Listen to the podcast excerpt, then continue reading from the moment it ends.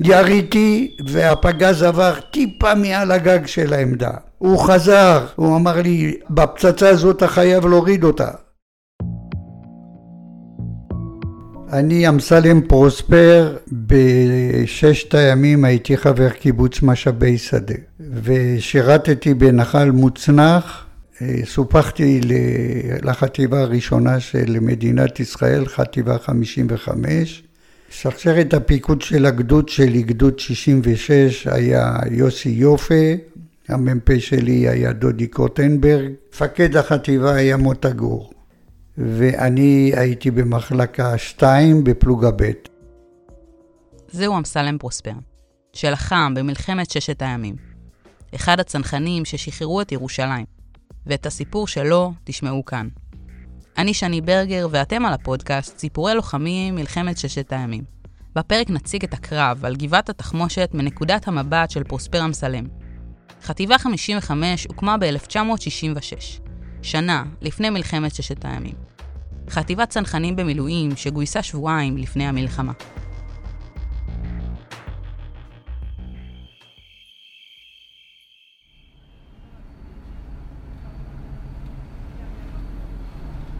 פונינו לשדה תעופה, מאוחר בלילה, ניתנה פקודה על אף כל הציוד הרב שהיה לנו לחפור ולהתחפר בתוך הקרקע. חופרים, חופרים, חופרים, אבל הכוח כבר לא היה לי. בסביבות שתיים, שתיים וחצי בלילה עזבתי את העט ומה שחפרתי נכנסתי לתוכו ואני חושב שנרדמתי. אבל אני מתעורר עם רעש מנועים של מטוסים, מה זה, אחד אחרי השני, אחד אחרי השני, מתרוממים מטוסים באוויר, רעש אימים, האוזניים נחרשו, ואחרי זה נהיה שקט. אז אמרנו יאללה נמשיך לישון כי היום יהיה ארוך. שעה שש, השמש זורחת, חמש, שש, החום של יוני ככה עם הטל של הלילה, ככה אני מתעורר ואני רואה שכולנו פותחים את העיניים ולא מדברים, כל החבר'ה של המחלקה לא מדברים, מסתכלים אחד על השני, אף קצין ואף אחד לא מדבר, גם לא מדברים לשתות איזה כוס קפה כל אחד מסתכל אחד על השני ולא רוצה לדבר על מה שהיה, מה זה המטוסים האלה שהתרוממו ואף אחד לא חוזר. ואחרי זה שבע, שבע וחצי התחילו לחזור מטוסים, אבל אין רעש. המטוסים נוחתים כמו אה, דאונים, חלק אתה רואה שנפגעו, הזנב איננו, חלק אתה רואה שאמבולנסים רצים על המסלול, ורק אחרי זה, שכל המטוסים האלה הפגועים הצליחו להגיע, אז הגיעו המטוסים שיכלו לנחות, אבל זה היה רעש. אז הבנו קרה משהו. לא ידענו. הם החליטו לפתוח את הרדיו כדי להתעדכן במצב, והבינו כי מדינת ישראל פתחה במלחמה מול מצרים, ירדן וסוריה. לאחר המתנה של שעה, שעתיים, סוף סוף שתינו איזה כוס קפה שהלתרנו בקופסאות אה, שימורים והיינו אה, על יד הקשר, אף אחד לא דיבר. ירושלים הייתה בהפגזה, וזה מה שנאמר לנו, אנחנו עולים לירושלים להגן על ירושלים. והתרענו לעלות, הכביש היה עמוס והאוטובוס טיפס לאט לאט ויש לזכור, ירושלים של ששת הימים, לא ארבע מסלולים, לא שישה מסלולים, שני מסלולים והקלטונים בלי סוף, האוטובוסים עלו לאט לאט לאט לאט והגענו בסביבות ארבע והמתנו, המתנו, המתנו עד uh, לקראת 12 בלילה הגיע המ"מ יואב צרי, זיכרונו לברכה, ריכז את המחלקה ואמר אנחנו הולכים לכבוש יד מבוצר, הוטל עלינו לכבוש תעלה של 50-100 מטר ולהמתין להמשך הפקודות. עלינו חזרה לאוטובוס, באוטובוס המחלקה, מחלקה פלוס, זה 40 איש, בערך. אחרי התברברויות אמרו לנו שאנחנו קרוב למאה שערים. ירדנו מהאוטובוס וחביבי, אני התחלתי להרגיש את כל המשקל עליי. בזוקה, ארבע פצצות, מוקש, ומה שהפריד אותי זה היה המרום של המוקש, שכל נגיעה זה, איך אומרים, אני הופך להיות ז"ל. הלכנו קילומטר, שני קילומטר, שלושה קילומטר, עצרנו, ויוצאים אברכים, אני עוד אזכור את זה כל החיים שלי, כי הייתי צמא מוות. מישהו בא, דוחף לי בקבוק מים קרים, אני חושב ששתיתי את כל, את כל הבקבוק ולא השארתי לאחרים, כל כך הייתי מזיע. מפעולה בסיסית של שתיית מים צוננים אחרי צמאון ממושך, נשברת השלווה ומתחלפת בדריכות. המ"מ בא אליי, אומר לי, אתה הראשון, דחף לי פצצה לתוך הבזוקה ולא הכניס את הפלאג. הוא אומר לי, חביבי, אתה תהיה בין הראשונים לאחר שיפרצו, אתה צריך כל עמדה לחסל. אבל הכל השתנה לגמרי, השקט הופך טנק הופיע והרעש של השרשרות הניע את הכל הפוך. הירדנים התחילו לירות בנו ואני נשקפתי, נשקפתי, נפלתי על, על החלק האחורי שלי והאש מעל הראש שלי פוגע בקירות, כל הטיח נופל עליי, נהייתי אני חושב לבן. אה, האש הזה המשיכה איזה כמה דקות ארוכות, אבל אמרתי אני פה לא יכול להישאר, אני קמתי התחלתי אה, ללכת שפוף לכיוון העלת גבעת התחמושת. המשכתי, עברתי שתי גדרות שלמזלי לא נתפסתי על ידי הדוקרנים. התחלתי לטפס לקראת כניסה לתעלת בגבעת התחמושת וכל זה תחת ירי, ירי מכל הכיוונים. אני לא מזהה לאן הכיוון, אני לא רואה כלום. יורים מכל הכיוונים. מה שאתה רואה בלילה בחושך זה ירי. ירי שזה כדורים. חלק נוטבים והרעש והפגיעה והצעקות. נפגעתי, נפצעתי. זה מה שאתה שומע, זה, זה, ה, זה הרעש שמלווה אותך ברגע שאתה בקרב. אתה לא הולך לשמוע פינק פלויד וכל ה rock and roll או משהו כזה. אתה שומע שהמוות מתקרב עליך ואתה צריך אה, להתחיל אה, לתקוף ולהדוף את האויב ולתקוף אותו, להרוג אותו, או הוא או אתה. אין אה, פשרות פה. אתה נכנס לקרב עם ההבנה שבכדי לשרוד אתה צריך להילחם. להילחם על הכל. והכל, זה החיים שלך. להמשיך לחיות למען עצמך, למען היקרים שמחכים לך בבית, ולמען המדינה שלך. זה הכוח שבוער בעצמות.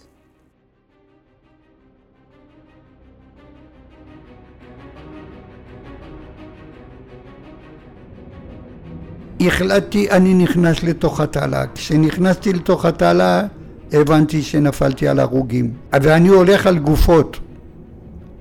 וכל זה נמשך בערך אולי שלוש ארבע שעות כי הייתי האחרון. אחריי לא היה אף אחד. הצלחתי להתחבר לקבוצה שאני רואה שהיא הולכת וקטנה. הולכת וקטנה.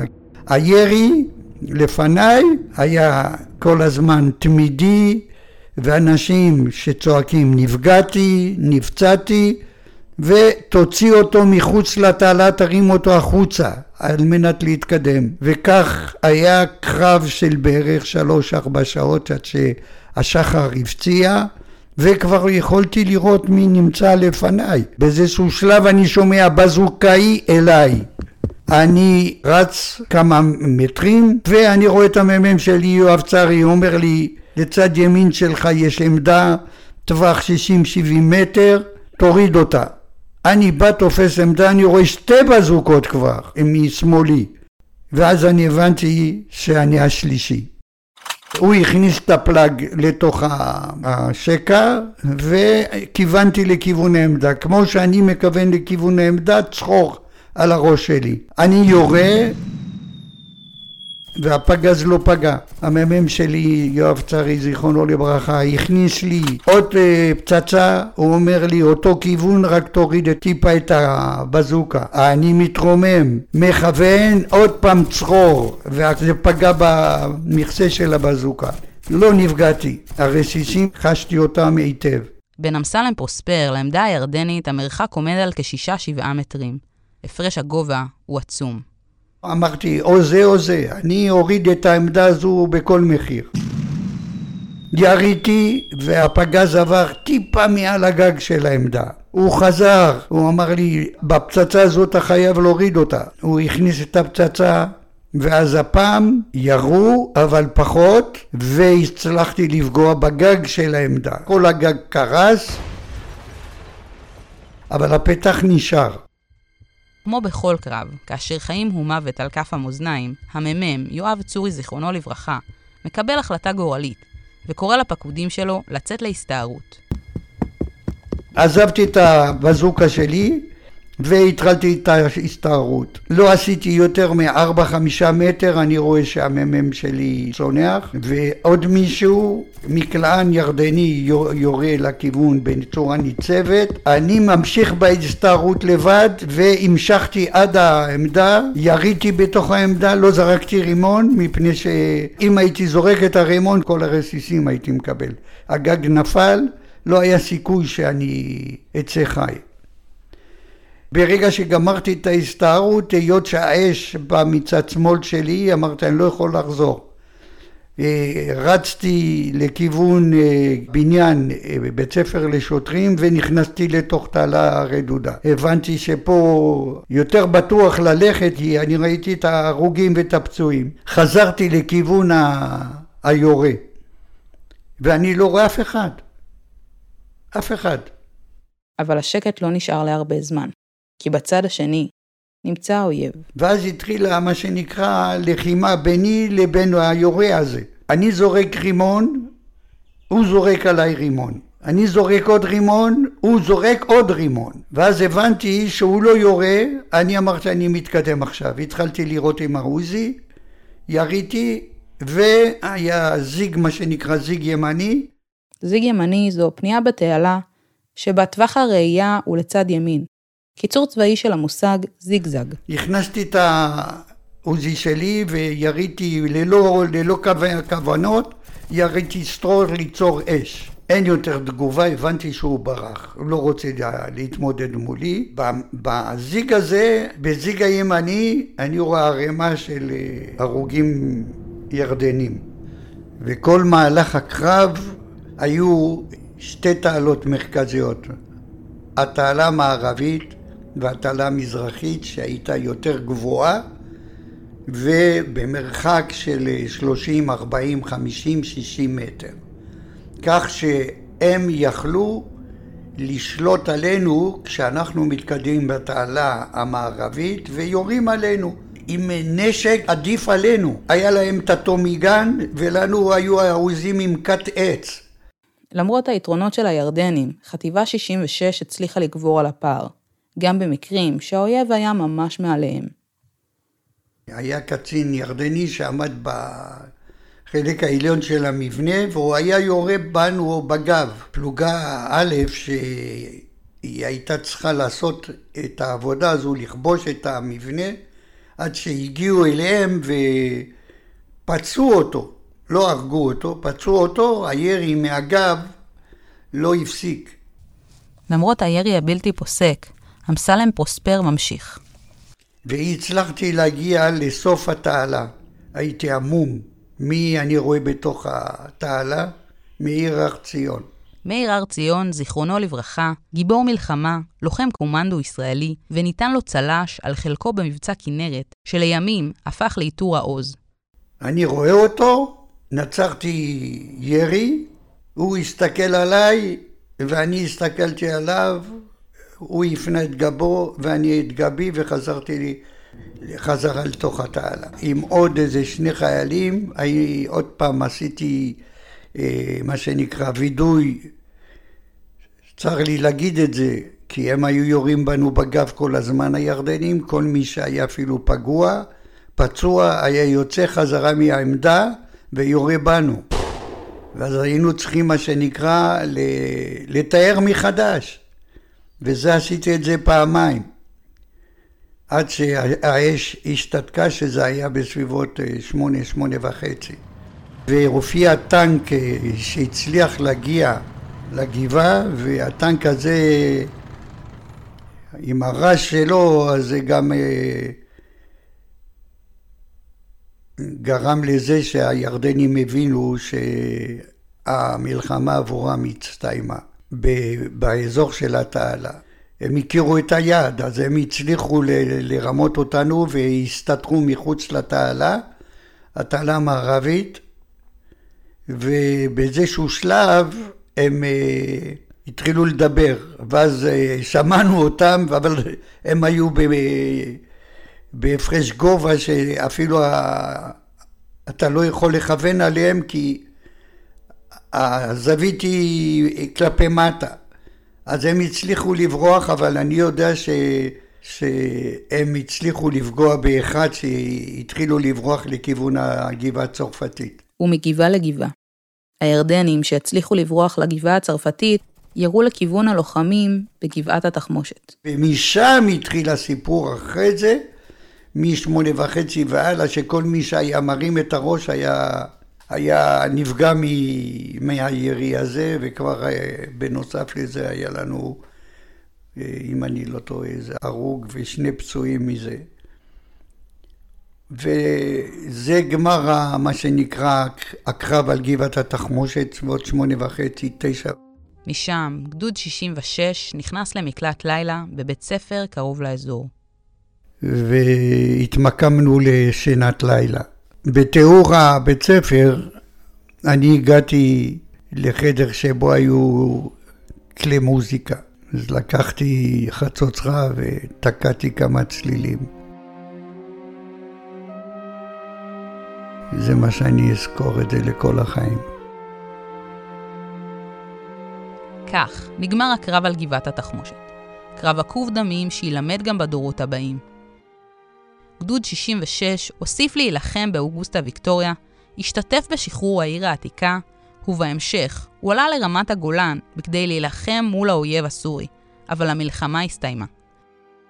וזה הזמן לספר לכם שאמסלם פרוספר הוא סבא שלי, הוא גר עם סבתא שלי בנתיב העשרה, ממש לידינו, ויש להם עוד נכדות ונכדים נוספים, המסמלים את הניצחון במלחמה. אתן האזנתן ואתן האזנתם לפודקאסט סיפורי לוחמים מלחמת ששת הימים. הסיפור של אמסלם פרוספר ממהלך המלחמה. אני שני ברגר, איתי בצוות חן ברגר. תודה רבה לעידו אריאל ורדיו כל הנגב. ותודה מיוחדת לאמסלם פרוספר על שהסכים לשתף אותנו ואותכם בסיפור שלו.